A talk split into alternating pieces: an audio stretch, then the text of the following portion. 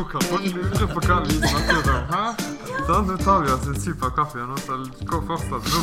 Sett i gang, Tiril. Ja, da setter vi i gang. Eh, velkommen til en ny episode av Liberale briller. Endelig er vi tilbake. Eh, jeg heter Tiril, jeg er først nestleder Unge Venstre. Og som vanlig så har jeg med meg Sondre, Hallo. leder Unge Venstre. Og eh, vi har i dag så er vi så heldige at vi har med oss Grunde. Hei. Du er vel Du er Unge Venstres stortingsrepresentant? Rett og slett. Rett og slett. Løvebakken Unge Venstre. Løvebakken Unge Venstre. En ensom eh, forsamling. En som eh, løve, eller en som ulv, et eller annet. Ja, Er det skyt på årsmøtet, da? Bare der. Nei, jeg får jo gjennomslag for stort sett. Ja. Jeg håper du får besøk av meg en dag. Jeg er jo vara, men eh, Vi er begge vara. Vi er begge vara. Ja. Så Vi var, alle tre var jo andre vara-rekke, Ja, var vi ikke det? Jo. Ja. vi var det. Og så var det en av oss som kom inn. bare. Sånn ble det. Eh, det vi tenkte å snakke om i dag, er egentlig ja, Vi må jo innom det som skjer nå. Eh, det som skjer nå, er jo veldig mye KrF. Mm. Altfor mye KrF. Al det altså, det er, eh, det er jo Har det skjedd KrF noe med. KrF? Om det har skjedd noe, ja. Og det er alltid et nytt fylkeslag eller en eller annen kasserer i et eller annet lokallag som har sagt noe nytt hver gang man går inn på nrk.no. Men så må vi også snakke litt om statsbudsjettet. Venstres første statsbudsjett. Men aller først så vil vi jo egentlig Ikke første, men første denne. Ja, det den, første som er- statsbudsjett eh, før. Bra du er observant Ja, på detaljene pedant her. Uh. Jo, vi har sittet på, på, i regjeringskontorene og vært med å lage det òg. Men ja. Um, og så, men aller først så må vi jo spørre deg, Grunde, om hvordan, hvordan det var å komme inn på Stortinget. Altså, Du var jo fjerdekandidat for Oslo. Mm, det stemmer. Trodde du noensinne at du kom til å komme inn? Jeg var helt overbevist hele veien. Nei, jeg må jo si når du er fjerdeplass på, på listen for, for Venstre, så regner det jo ikke med at du skal sitte fast inne på Stortinget. For det er jo eh, Vi har jo i hvert fall ikke hatt fire representanter eh, for Oslo på Nei. en god stund. Og vi, det, har, eh, det skal også mye til at andre varer får en fast plass. Men jeg hadde jo et håp, fordi jeg visste at både Trine Skei Grande og Ola Elvestuen, som var før meg på listen, var aktuelle eh, for statsråder, som senere også skulle vise seg å være riktig. Men, eh, men eh, jeg, hadde, jeg hadde ikke forventet det når jeg drev valgkamp. Men jeg gjorde jo jobben i valgkampen, så, og jeg ønsket jo eh, veldig sterkt å klare å få lov til å være Unge Venstres representant på Stortinget. Men eh, det var veldig rart å åpne døren til Stortinget og komme inn og kjenne at oi, dette bygget som jeg hadde vært inne og besøkt før, faktisk skulle være min arbeidsplass. Ja. Men hva, hvor var du, eller hva skjedde når du fikk eh, Du fikk vel en telefon på et eller annet tidspunkt, vil jeg tro? Ja, altså jeg eh, satt jo på pinebenken ganske lenge. Jeg var jo ikke en del av eh, landsstyret Venstre lenger, så jeg fikk ikke være med å ta avgjørelsen på vårt veivalg. Men jeg hadde fått meg jobb. Jeg skulle begynne å jobbe i Strasbourg, så jeg hadde med meg flyttelass. Eh, var i Frankrike, hadde hatt en fin helg i Paris. Var på vei til toget ned til Strasbourg med hele flyttelasset. Så får jeg en telefon med, fra en på Stortinget som sa litt sånn Ja, Grunde, hvor, eh, hvor er du nå? Så jeg nei, jeg, er- jeg er i eh, Frankrike, sånn som jeg har avklart. Ja, nei, det er litt dumt å være i Frankrike, fordi i morgen må du være i Oslo. Og så, så spurte jeg hvorfor det. Nei, det, det er fordi du skal være stortingsrepresentant. Nei, det er en forferdelig beskjed å få. Det var, Trekker deg ut av Paris-ferien. Eh, Så det var rett og slett eh, Så da eh, hev meg rundt, dro i taxien på vei til Eller Uberen, faktisk. På vei til flyplassen. Eh, og bestilte fly hjem. Tente Telte litt på kronene for en sånn litt svak studentlønning. Det det Hadde ikke stortingslønn, hadde ikke slått inn ennå. Uh, så kjøpte jeg en svindyr flybillett tilbake til Oslo. Uh, og klarte å komme meg hjem da. Og så kom jeg på akkurat idet jeg eh, skulle til å sitte meg på fly, at jeg kanskje burde ringe sjefen min og si at jeg ikke kom på jobb den dagen etterpå. Åh. Nei, Det må være en helt utrolig beskjed å få. Men hvordan var det å komme inn på Stortinget? liksom? Var det mye å sette seg inn i? Var det vanskelig? Det var jo litt sånn galskap akkurat de ukene. Fordi Venstre hadde akkurat eh, gått inn i regjeringen og signalisert at dette kom til å skje. Og det var eh, Det var eh, fullt leven i litt armer og bein. Vi skulle gjøre om på hvor, hvilken av oss stortingsrepresentanter som skulle sitte i hvilken komité. Og det var masse mediepress. Det var mye som skjedde. Så det var rett og slett eh, ingen som hadde tid til da, å si til en helt fersk stortingsrepresentant hva er det en stortingsrepresentant gjør. Så på et tidspunkt så satt jeg på datamaskinen og så googlet jeg hva gjør en stortingsrepresentant. men, eh, men eh, man kommer inn i det etter hvert, da. Man gjør det. Ja. Åh. Men ja. Hva syns du har vært kulest med å være stortingsrepresentant? da? Bare for å ta det også. Altså Det kuleste med å være stortingsrepresentant er at jeg faktisk nå får lov til å være med og eh, skrive inn eh, våre meninger som, eh, som venstrepolitikere, som parti. Og få lov til å være med og påvirke ting som er utrolig viktige i folks hverdag. Og det er veldig mange småting, og så er det noen veldig store ting. Så det er alt fra, alt fra det å skulle rettighetsfeste barnevernsloven, som vi gjorde nå i vår, som har veldig mye å si for alle de eh, barna som, eh, som eh, på et tidspunkt trenger hjelp fra, fra barnevernet, til eh, ja, mye mindre småsaker da, som jeg eh,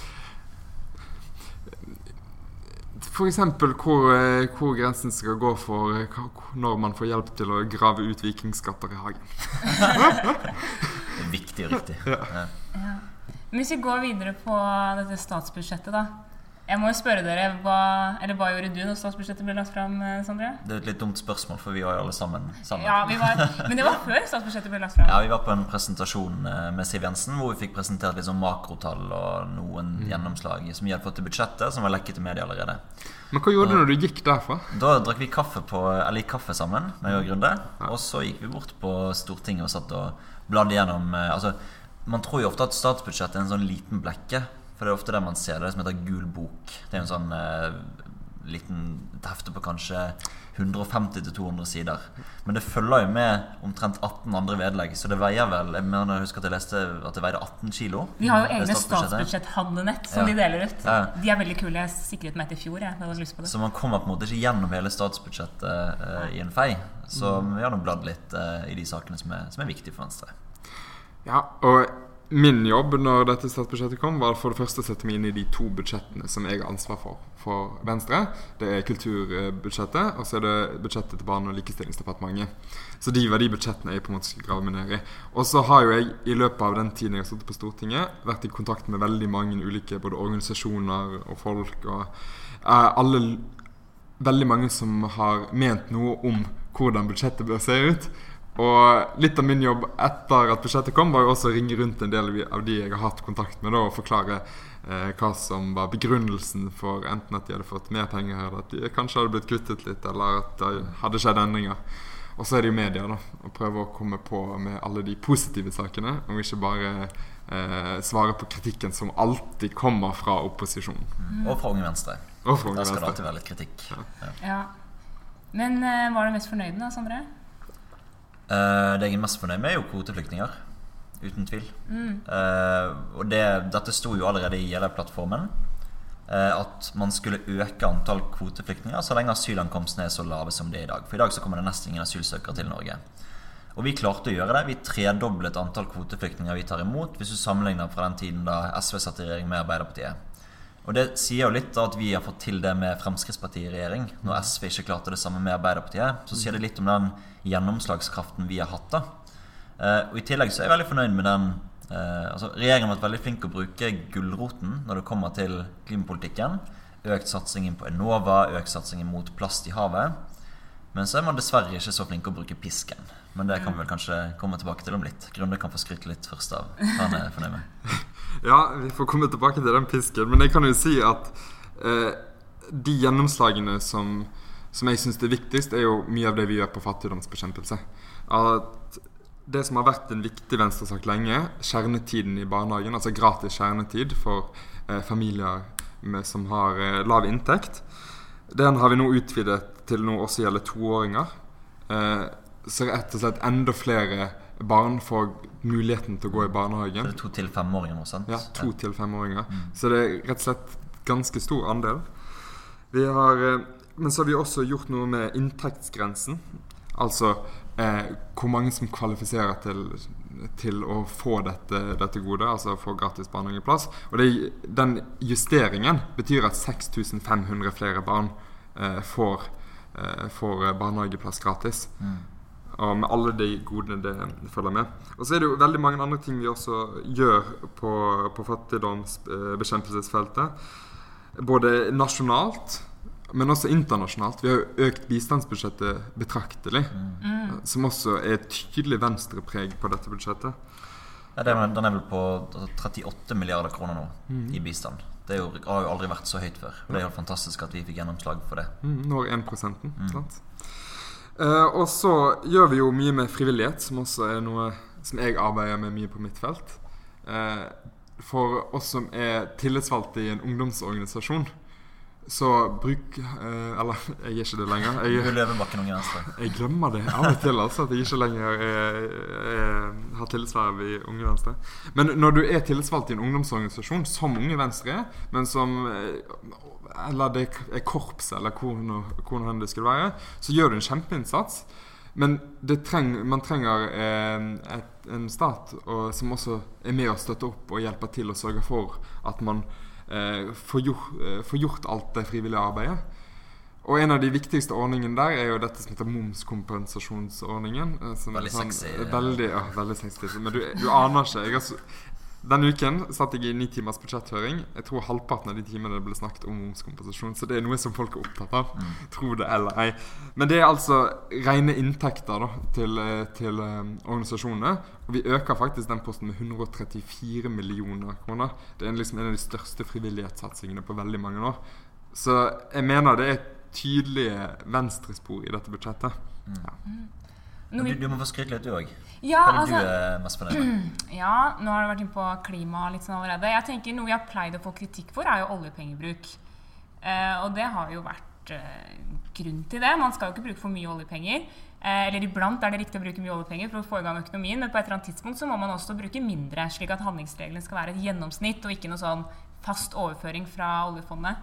Men i år så var det ikke så mye kritikk mot det, og det var heller ikke så veldig mye Det var vel ikke vekst i oljepengebruken, eller i hvert fall ja, nøytral budsjett. Man bruker vel 2,7% Det er vel en bitte liten vekst av oljepengebruken. Ja. Og det er under handlingsregel på 3% men den har jo en det som heter en nøytral budsjettimpuls. Ja. Så det høres veldig lite sexy ut, det også, men det betyr vel at olje, altså oljen stimulerer ikke økonomien til å vokse mer. Ja, og det er også helt riktig de tidene man er nå. Å kritisere oljepengebruken er jo noe Unge Venstre har gjort mye Ja. de siste årene. Ja. Det har jo ofte vært hovedkritikken, kanskje. Ja, Men men hvorfor, men hvorfor, hvorfor har det vært viktig for Venstre å kritisere det? ja, det er jo fordi at uh, man må ha en bærekraftig oljepengebruk, slik at det også er penger igjen til fremtidens generasjoner. Og det er jo ikke bærekraftig å ha et budsjett som er basert på uh, et stort fond, hvor uh, inntektene fra oljenæringen ikke er så forutsigbare og store lenger, og det er usikkerhet i internasjonale aksjemarkeder. Så det er riktig det man gjør nå, da, og begynner å ja, gradvis, gradvis trappe den litt ned, slik at også vi får pensjon når vi blir gamle. Mm. Og så var det vel i 2017-budsjettet at Siv Jensen for første gang tok penger ut av oljefondet. Altså det, det ble redusert, og det har jo aldri skjedd før. Og det var jo det masse, da var det masse ramaskrik, for da begynte man faktisk å tappe formuen til fremtidige generasjoner. Og det er jo et generasjonssvik. Et ran. Ran til sparegrisen til barnebarna. Men nå skal Unge Venstre ha landsmøte neste helg, og der skal vi ha en diskusjon på om vi skal ha en ytterligere reduksjon av, eh, av handlingsregel til 2,5 er en av forslagene. Ja. Ja. Ja, det var jo veldig lang diskusjon om Eller det var jo lenge diskusjon om man burde senke den fra 4 til 3% men altså, fram til man kom til at man faktisk senket den til 3% så har jo økonomer begynt å snakke om 2% 2,5 i stedet. Så da er det jo naturlig at Unge Venstre tar steg videre, sånn som vi pleier. Men jeg tror et av de eh, sikreste tegnene på at dette var et ganske godt budsjett, var jo nettopp at den kritikken som kom fra opposisjonen, var jo litt tannløs, må jeg si. Eh, det kunne jo Altså Man har vel hørt opposisjonen har vært enda tydeligere tidl ved tidligere budsjett på hva som eh, er galt. Og noe av kritikken var jo skrevet på forhånd. Ja, og det ble avslørt i VG. Ja, det ble Ja. det.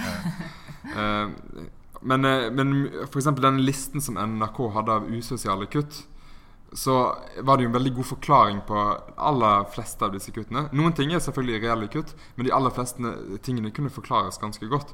Og når man har såpass gode argumenter eh, å møte debatten med, så blir også kanskje kritikken litt annerledes. Og vi ble jo veldig glad for eh, kuttet til uh, cøliaki. Det ble jo møtt eller fall For min del, da skal jeg snakke for min del og ikke Unge Venstre sin del. Der kuttet man jo støtten til eh, folk med, altså, som er glutenintolerante. Med Ja, Det er ikke cøliaki. Viktig, viktig differanse. De som har cøliaki, har en diagnose, de skal fortsatt få støtte. Der er vi enige. Men de som var glutenintolerante, fikk altså kuttet støtten med 400 millioner kroner. Jeg har hørt et rykte om at da en eh, finanspolitiker fra Høyre var på besøk hos Norsk cøliakiforening og fortalte om dette kuttet, så hadde de sagt litt sånn Ja, det var jo bare et spørsmål om tid før noen oppdaget den rause ordningen. Så man sparte inn ganske mye penger på å gjøre det kuttet. Ja, Og det må man gjøre.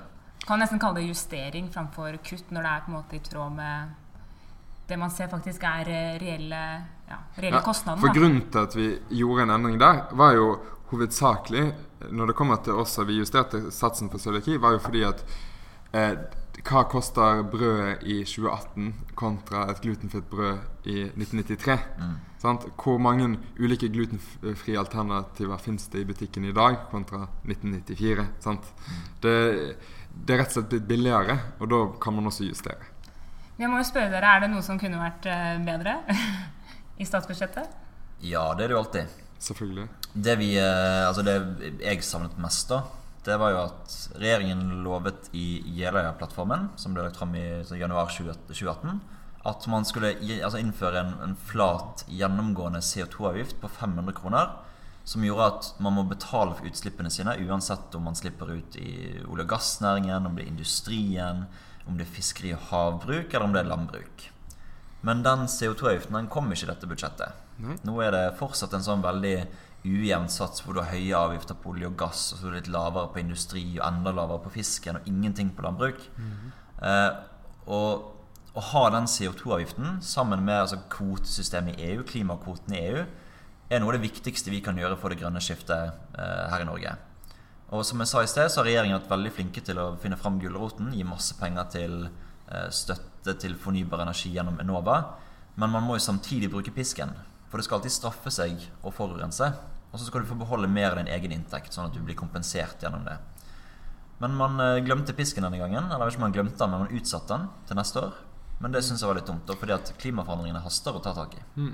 Og så er det, når vi sier den setningen, velkjente setningen 'forurenser skal betale', så er ikke det bare en sånn frase som vi bruker. Det er faktisk eh, et, en eh, internasjonal avtale som ligger bak dette. Verdens land er enige om det prinsippet. Ja. Sant? Dette er noe vi, verden, hele verden skal styre etter. At har du, Forurenser du, så skal du også være med på å finansiere eh, de, også de bedre løsningene. Du kan ta det kort. og det er jo sånn at eh, Norge er en del av EU sine, sitt kvotesystem. Og Da deler man jo opp i sånn det som heter kvotepliktig sektor, ikke-kvotepliktig sektor. Og i det som er kvotepliktig sektor, som er bl.a. olje og gass, så skal jo EU redusere det med 40 innen 2030. Og 84 innen 2050 er det som ligger an til nå med den kvotereduksjonen. Men det som går på ikke-kvotepliktige utslipp, som er f.eks. persontransport, er noe Norge må fikse sjøl. Og da kan man ikke lene seg på EU for å kutte de utslippene. Det gjelder halvparten av norske utslipp. Da må man sørge for at man øker prisen på det som forurenser, samtidig som man lar folk beholde mer av sin egen inntekt. Men øh, hvis vi ikke har noe mer sånn konkret på statsbudsjettet, så kan vi jo gå videre på neste tema. fordi vi vet jo ikke om dette statsbudsjettet blir vedtatt. Eh, egentlig nå så skulle vi jo ha sittet i Eller ikke vi, kanskje, men noen andre i Venstre skulle ha sittet i forhandlinger med KrF. Eh, men i stedet så driver de og avholder årsmøter og velger delegater. For de skal ha landsmøte 2.11. for å bestemme seg for hvilken retning de går. Og det begynte jo med Eller det har vært en lang prosess i KrF, men eh, startskuddet var jo for denne høsten her var jo Knut Arild Hareide sin tale. Eh, Startskuddet var vel nesten boken. ja, det var jo boka em, som har eh, Ja. Uh, som ga en liten pekepinn på det han uh, sa. Uh, hvor han ønsker å gå til Arbeiderpartiet og Senterpartiet og danne regjering med dem istedenfor dagens regjering. Hva syns du om talen, Sondre? Nei, vi ble jo nevnt igjen, vi. Ja. Så det var jo en stor ære. Det var ikke med positive fortegn, men det får jo bli. Eh, talen var jo Den kom jo veldig overraskende på veldig mange. Eh, og spesielt overraskende på en del i Venstre, tror jeg. Han holdt jo en tale som strakk seg over en time.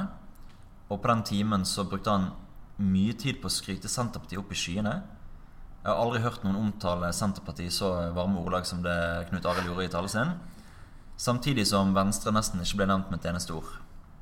Og det syns jeg er litt spesielt, fordi Venstre og KrF har stått skulder til skulder de siste fem årene og kjempet mot barnefattigdom, for større ambisjoner på klima, vern Lofoten, Vesterålen og Senja og for en mer sosial eh, politikk. Og jeg syns det var litt merkelig og litt skuffende at Knut Arild ikke trakk fram noe av det vi har fått til sammen da, de siste fem årene. Ja. Og hvis du trekker linjene til statsbudsjettet som vi akkurat snakket om, så var det en sånn stor sak akkurat når statsbudsjettet ble lagt fram, om hva er dette et budsjett som frir til KrF? For meg er det et veldig rart spørsmål, for du vil helt klart finne KrF-saker i det budsjettet. Fordi dette budsjettet er også et resultat av fem års samarbeid. Sant? Fem års budsjettsamarbeid. Man hadde klart å lage fire budsjetter sammen med Venstre og KrF tidligere. Og det er jo klart da at når eh, denne regjeringen presenterer et forslag, så går de jo ikke tilbake på alle de tingene som KrF allerede har forhandlet inn. De bygger jo videre på de tingene. Et sånt lærernorm er et typisk eksempel på en sånn helt konkret sak som, som KrF har fått inn, og som regjeringen i sitt forslag også følger opp. Og det eh, som KrF eh, eventuelt nå skal stå overfor å velge, er jo å bygge videre på disse årene med samarbeid, disse årene med gjennomslag som de har fått, eller starte helt på nytt. Mm. Og så er det også viktig å trekke fram at En del av de sakene som folk mener at KrF frir i, som f.eks. økt satsing på barnefattigdom, større klimaambisjoner osv., ikke er frierier til KrF, men det er venstrepolitikk. Ja. Det er ting vi har fått gjennomslag for fordi vi syns det er viktig å gjøre noe for verdens fattigste. Det handler ikke om å tekkes KrF, det handler om at Venstre har dratt denne regjeringen nærmere sentrum. Absolutt. Men så skal det jo sies at Venstre hadde jo også en prosess når vi skulle ta avgjørelsen om vi, hvem vi ville samarbeide med, eller hva, om vi ville gå inn eller bli utenfor regjering, var vel vårt, eh, vårt spørsmål. Vi òg hadde en prosess. Vi brukte lang tid på det. Mm. Eh, så vi skal også respektere at KrF får ha denne prosessen. Så eh, jeg tenker for meg som, som Venstre stortingsrepresentant, jeg får bare sitte og jobbe og prøve å få gjennomslag for god venstrepolitikk helt fram til KrF bestemmer om jeg skal få jobbe videre eller ikke. Ja, For du mister jobben nå hvis ja, KrF. Eh, bestemmer seg Det er en konsekvens som jeg ikke tror delegatene i KrF har tatt inn over seg. Nei, Men det, det, med denne podkasten så vil de kanskje reflektere litt og mer over akkurat det, det spørsmålet. Men det er jo nok av folk som gjør sitt for å tekkes KrF. Det siste eksempelet er jo fra Erna Solberg. Mm. Når hun foreslår å legge abortloven på forhandlingsbordet og sier at KrF kan få gjennomslag for å gjøre innstramminger i abortregelverket. Og Nærmere bestemt så har hun jo sagt at uh, den ordningen som heter fosterreduksjon, som ble tillatt for en del år siden, og det som heter paragraf 2c, som egentlig altså det, lovverket som angår Downs syndrom og en del andre uh, sykdommer, at det ikke lenger skal være selvstendig grunn til å få gjennomført en abort. Og det syns jeg er veldig skummelt. Uh, jeg tror både mange i Unge Venstre, men også i Venstre og Unge Høyre, var kjempesinte på Erna for at hun la dem på bordet. Eh, jeg mener det er kjempeviktig å verne om abortrettigheter. Eh, Unge Venstre har snakket veldig mye om abort i det siste, så det er kanskje ikke en bombe at vi er opptatt av det. Men dette handler ikke om å utvide. Dette handler om å verne om dagens abortlov. Hvis Erna legger den på bordet, så viser hun egentlig at regjeringsmakt er viktigere for henne enn prinsipper. Og det er klart det er viktig å beholde regjeringsmakten. Jeg mener jeg er et gode for landet. Men det må ikke komme til enhver pris. Jeg tror det er viktig å tenke på to ting når det kommer til uh, dette uh, til abortspørsmålet. Da. Det at vi har en lovgivning i dag som jeg mener det store andel av befolkningen er fornøyd med. Mm. Man har akseptert det, man har kommet fram til et godt kompromiss. Og hvis man sammenligner oss med veldig mange andre land, så har vi ikke den samme konflikten rundt abortsaken. Fordi vi nett, rett og slett har klart å lande, eh, lande på et sted som, eh, som, det store andel av befolkningen rett og slett kan være komfortabel med. Og så vet vi det andre tingene, at vi vet at internasjonalt så er kvinners rettigheter og abortrettigheter under kjempestort press. Vi har, eh, Jeg var sjøl i Tanzania i sommer, der presidenten nå har gått ut og sagt at Eller oppfordret folk til ikke bruke prevensjon, samtidig som de forbyr abort. Og vet, det vi har erfaringer for, er at det strammer vi inn i abortregelverket. Gjør vi det vanskeligere for kvinner eh, i, i, en, i, sårbare situasjoner, så får ikke det nødvendigvis ned aborttallene. Men det sørger for at situasjonen for kvinner i sårbare situasjoner blir enda vanskeligere. Og Det perspektivet må vi, må vi huske på å ha med oss. Og når vi ser at land som Irland veldig nylig har gått gjennom en, en stor diskusjon der de klarer å reformere sitt regelverk og sitt syn på abort, gå fra der det var totalt forbud mot, mot abort, til nå gjøre noen oppmykninger. De har fortsatt en vei å gå, men gjøre noen oppmykninger. Så, så, vet vi, så vet vi hvor hard den kampen er, om vi nå igjen må, om noen år må ta den kampen her i Norge også. Og den kampen i Irland den ble løftet fram av utrolig mange modige kvinner som løftet fram sine historier med hvor, eh, hvor vondt og vanskelig disse valgene faktisk er. Mm. Men hvor, som også viste hvor nødvendig det faktisk er å ha et apparat rundt som er trygt. Mm. Nei, jo, jeg syns det er noe helt annet å legge sånne rettigheter på bordet for en regjeringsforhandling i media enn f.eks. å si ja, vi er villige til å øke kontantstøtten eller kaste penger etter et eller annet tiltak. Det er sånn, Dette er rettigheter, og det er et selvstendig poeng at når det er høy oppslutning om det i befolkningen, eh, og det er ja, en så viktig rettighet for, for, kvinner i en sårbar situasjon, så, så, må det være en viss forutsigbarhet i det. og det er sånn, hadde, Skulle man endre ting nå, så hadde en ny regjering endret det etterpå.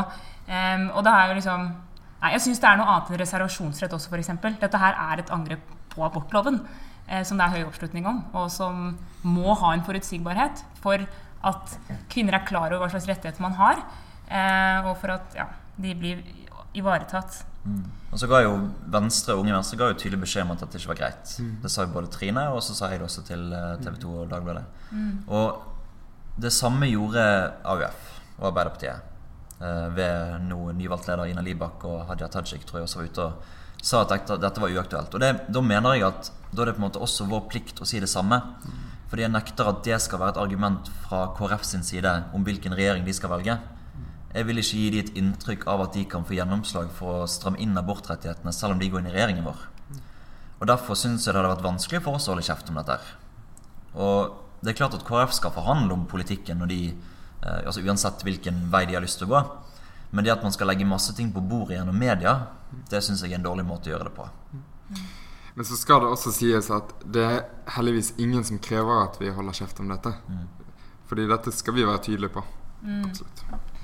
Ja, Vi får også etter hvert bli tydelige på alt man kan miste da, hvis denne regjeringen uh, ryker. Mm. Vi har jo fått utrolig mange Jeg husker når vi fikk se regjeringsplattformen første gang, og vi så gjennomslag på gjennomslag på gjennomslag for Unge Venstre. Både på rus, pelsdyr, kvoteflyktninger, klima, CO2-avgift som kommer.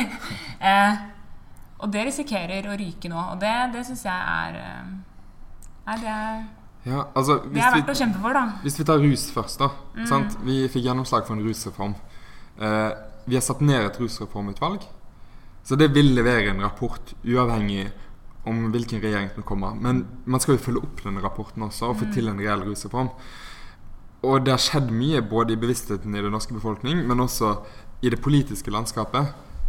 Men det er hovedsakelig på vår side her med de partiene vi samarbeider med. Mm. Og det jeg frykter mest, er jo hvis det er en ny regjering som har en helt annen eh, tanke om, om, om, ruspolitikken, skal komme inn i regjeringskontorene og enten legge rapporten bare i skuffen og ikke følge det opp. Ja, for det kan skje. Eller, ja, det kan absolutt skje.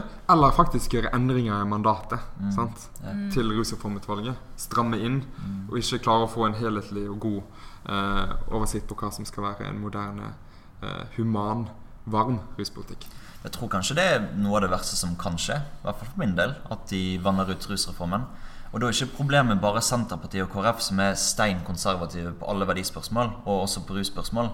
Men problemet er også Arbeiderpartiet, som har en mye dårligere ruspolitikk enn det Høyre har. Mm. Arbeiderpartiet har jo sagt at de ønsker å Modellen deres er vel at de skal eh, ikke straffe tunge rusmisbrukere, men de skal straffe ungdom mm. som bruker rusmidler. Og Det syns jeg er en veldig sånn halvveisreform. At du fortsatt skal bruke masse politiressurser på å jage etter ungdom som prøver andre rusmidler. Men Høyre har ikke sagt at de ønsker den modellen. Nei, Bent Høie har vært veldig tydelig på at dette er snakk om reell avkriminalisering. Ja, det har ikke sånn, Arbeiderpartiet ikke, sant? Nei, Arbeiderpartiet har jo faktisk sagt at de fortsatt eh, ønsker å bruke bøter for bl.a. ungdom som blir tatt i å enten mm. til ja, rikasje eller hva det skulle være. Eh, og det handler, det, dette handler jo rett og slett om at skal man få til en reell reform som hjelper folk som sliter, så må vi gjøre det skikkelig. Vi kan ikke gjøre det halvveis. Men det er jo ikke bare rusreformen, det er jo egentlig alle ting som ender på reform, ja. som vil rykke. sant? Kommunereformen, regionreformen, sikkert en sykehusreform etter hvert også, universitets- og høyskolereform. det er jo ikke akkurat reformkameratene som kommer til makten dersom eh, Knut Arild Hareide får flertall i KrF for å danne regjering med Senterpartiet og Arbeiderpartiet. Det er jo en Konservativ allianse. Ja, det er en veldig konservativ allianse som har vært mot en del av de gode tiltakene som vi har gjennomført de siste årene, som skal ruste Norge for framtiden. I budsjettet nå så fikk vi jo en klar hilsen om pelsdyr. Der, det, der vi rett og slett sier at denne høsten så kommer det et lovforslag der vi skal forby pels, eh, pelsdyrnæringen. Som har vært et kjempegjennomslag for Unge Venstre. Noe Unge Venstre har stått på for i veldig mange år. Eh, det flertallet i Stortinget, det er skjørt. Sant? Vi, det er et gjennomslag. Våre, våre partnere i regjering stemmer jo hovedsakelig for dette fordi vi har fått det gjennom i regjeringserklæringen. Hvis vi skifter regjering, så er det ikke lenger et flertall for det i Stortinget. Nei, da klarer Senterpartiet å sette en stopper for det. Ja, det er jo prestisjesak for dem. Så Men også, også flyktninger mener jeg er sånn veldig relevant å snakke om. Fordi at Vi nevnte i sted at uh, vi tredobler fra Arbeiderpartiet sin tid. Eh, men Senterpartiet, hvis de ikke skal med seg SV da til å dra de i en litt mer liberal retning på asylpolitikken og innvandringspolitikken, så kan dette se ganske mørkt ut. Senterpartiet er jo kjempestrenge på innvandring. De var vel de første som tok til orde for at man skulle stenge grensen mot Storskog i 2015. Har jo ikke akkurat stått opp for internasjonalt samarbeid og for at Norge skal ta sin del av ansvaret for folk eh, på flukt. Storskog, det var grensen oppe i nord. Var det? Der, Russland der eh, man så eh, flyktninger syklet over grensen. Mm. Hvis vi husker tilbake dit. Ja. Nei, Senterpartiet får nok ikke gjennomslag for nasjonal grensekontroll, sånn som står i programmet deres, men eh, det er jo det er den veien de trekker. Mm. Så det er jo Ja. Nei, men eh, hva tror dere om KrF? Hva gjør de? Jeg tror det er 50-50. Da Knut Arild holdt talen sin, så var jeg bombesikker på at de kom til å gå inn i regjeringen vår. Jeg hadde aldri tenkt at han kom til å få så mange folk med seg. Jeg var ganske sikker på at grunnfjellet til KrF på Vestlandet kom til å sette en effektiv stopper for dette. her. Men nå blir jeg mer og mer i tvil. Han har fått masse støtte rundt omkring i landet. Eh, spesielt i nord og på Innlandet så er det mange som ønsker et regjeringsskifte. Det er også tilfeldigvis de delene av landet hvor KrF ikke har stortingsrepresentanter. Men det får jo være opp til de å vurdere. Men jeg tror det er ganske 50-50. Jeg tror det avgjøres av eh, et håndfull stemmer på landsmøtet 2. oktober- nei, 2. november. Det som er litt morsomt, er at 2. november, når eh, KrF skal bestemme om jeg skal sitte på Stortinget eller ikke, Ja. da er jeg i Frankrike Igjen. igjen. Så da kan du bare bli der hvis ja. du rykker ut. Så det ja.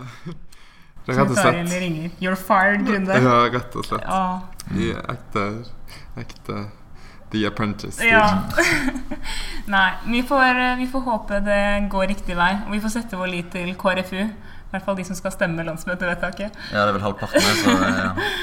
Så ja. Så skal i hvert fall jeg bruke den tiden jeg har på Stortinget til å sørge for at Unge Venstre får sette litt stempel Ja. det er bra. Dette er ikke slutten på Løvebakken Unge Venstre. Det skal det ikke være. Nei. Nei, men Tusen takk for at du kom hit, eh, Grunde. Det Det var var- veldig hyggelig å ha deg med. Jeg må jo si at jeg har ventet på den invitasjonen Ja. til å få komme på liberale briller. bra til midten også. Ja, ok, det er fint å si det. Jeg fikk litt sånn panikk nå før 2. november. Da. Jeg måtte sikre at jeg kom inn. Ja, ja men Tusen takk eh, til deg, Grunde. Takk for det. Yes. Ha det. Ha det bra. Ha det godt.